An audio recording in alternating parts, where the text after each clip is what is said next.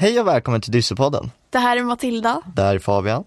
Eh, och idag har vi Irene Rodebjer i studion som är specialpedagog i lågstadiet på Gråboskolan i Visby.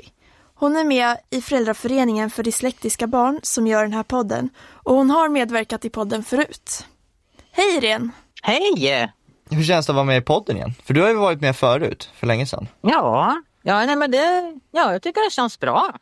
Kul! Eh, du jobbar ju på lågstadiet, eller i lågstadiet, som speciallärare. Hur eh, kom du till det, eller varför började du jobba med det? Jag jobbar både som eh, speciallärare och specialpedagog ungefär hälften hälften. Och det var att jag var klasslärare först och sen ville jag hjälpa barn med kontinuitet, till exempel läsinlärningsperioder och andra metoder som är forskningsbaserade och det hade jag aldrig möjlighet att göra när jag var klasslärare. Mm. Men du var väl, du är ju väldigt liksom insatt i dyslexi, men har du någon personlig koppling till dyslexi? Nej, det har jag inte alls, utan jag har träffat så många barn under åren och ser hur svårt det är och hur viktigt det är med läsningen, så det har vuxit fram ett engagemang. Mm. Eh, vi har hört om läsa, skriva, räkna-garantin. Berätta om vad det är för något. Nu vill man att det i Sverige ska finnas någon likvärdighet och att man ska kunna fånga barnen så tidigt som möjligt när det, man märker brister. Mm. Och då har regeringen beslutat om att det ska skrinas alla barn och skrina det kan man säga ungefär att man testar. Eh, och då gör man någonting som heter hitta språket, det är hur man lägger till i svenskan och hitta matematiken, det är matten i förskoleklass.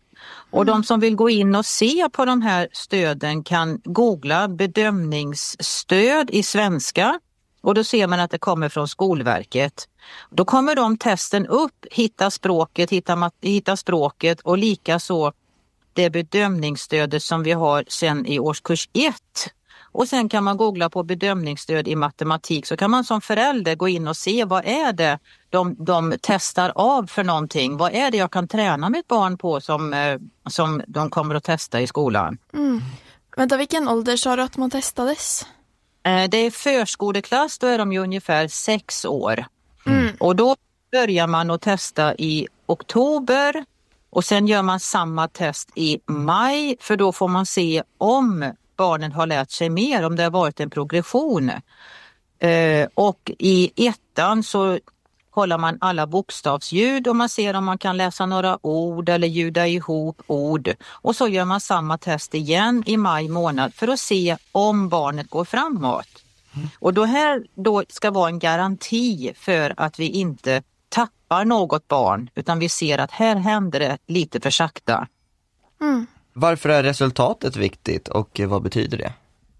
Resultatet är ju avgörande eh, för att det är ju ett, en, ett, ett rop på att jag behöver ha hjälp. Jag har inte riktigt hängt med på att ett ord är uppdelat i olika ljud och varje ljud är kopplat till en bokstav.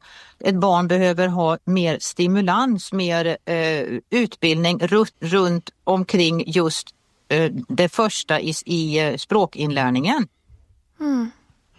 Eh, hur jobbar ni på er skola med garantin? Eh, jag som specialpedagog går in och tittar på hur ligger barnen till i slutet på förskoleklass.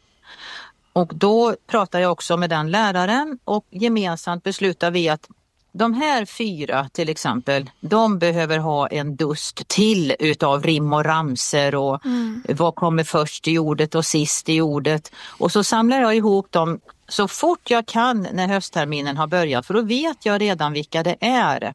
Och sen jobbar jag med dem åtta veckor, fyra pass per vecka. Och de sista veckorna som är nu då, det är ju tre veckor kvar till höstlovet, då frågar jag läraren vilken bokstav ska ni ha nu nästa gång? Och så går jag igenom den bokstaven innan med barnen så de känner att wow, det här känner jag ju igen. Mm. Så de också kan räcka upp handen och inte tappa självkänslan utan känner att det här kan jag också så att jag försöker få in dem bland självkänslan som det är hos alla de andra barnen. Mm. Ah. Eh, finns det något annat föräldrar eller vårdnadshavare kan göra eh, för att stödja sitt barn med dyslexi? Jag tänker att ordförrådet är är nog det som är viktigast och det får man genom högläsning. Att gå till biblioteket och hitta bilderböcker som barnet är intresserad utav. Och då får du ett rikt ordförråd och du lär dig långa ord. Det kan ju vara svårt när man har läs och skrivsvårigheter att läsa ut ord som är långa om du dessutom inte vet vad det betyder. Men om du vet vad det betyder, då klickar det bara in och så kan du fortsätta att läsa. Annars tappar du ofta hela sammanhanget om du ska traggla på ett ord och heller inte kan vad det betyder. Mm. Så högläsning tycker jag är eh, någonting jag verkligen vill, vill eh, slå högt och det, och det ger också en, en naturlig ingång till kvalitativa samtal, inte bara gå och borsta tänderna, vad har ni ätit i skolan? Utan då kommer det naturligt in att man har diskussioner på lite högre nivå som stimulerar barnet. Mm. Mm. Eh, om man som förälder inte tycker att man eh, som förälder då får stöd och gehör för sitt barn i skolan, vad kan man göra då? Ja, eftersom jag har, det, här, det här programmet kan ju ge kunskap till alla föräldrar om att det här är obligatoriskt. Det här ska man göra på alla skolor. Och då kan man som förälder när man kommer till skolan fråga hur gick det för mitt barn i Hitta språket? Eller hur gick det för mitt barn i bedömningsstödet i matte? Jag vill se resultatet. Och där kommer det att synas tydligt om barnet har eh, läs och skrivsvårigheter. Mm. Mm. Eh, är det skillnad på hur grupperna eller klasserna eh, och eh, stöd ser ut jämfört med när du började jobba? Ja, vi har pratat ganska mycket om det på skolan, vi som är lite äldre nu. Att eh, när vi började jobba och långt in eh, också på eh, ja, början på 90-talet, då var det halvklass, det la man i schemat, det var liksom standard. Och då började halva klassen tidigare, andra klassen började senare. Och då hade man bara hälften så många barn som man kunde gå igenom långsamt och tydligt med halva gruppen. Nu finns det kanske halvklasstimmar när, barnet, när klassen går till idrott, för då kan halva ha idrott och halva kan ha svenska. Men det är alltså mm. mycket färre halvklasstimmar nu än det var förut. Okej. Men eh, finns det, nu börjar podden ta slut. Finns det någonting du skulle vilja lägga till eller säga innan? Eh, ja, jag kan ju säga att det kan ju vara lite svårt med speciallärare på alla skolor. Eh, där kan man ju vara vaksam som förälder för man kan ju till exempel kanske låna in från något annat område eller någonting om barnet behöver ha stöd, att vi hjälps åt liksom i kommunen.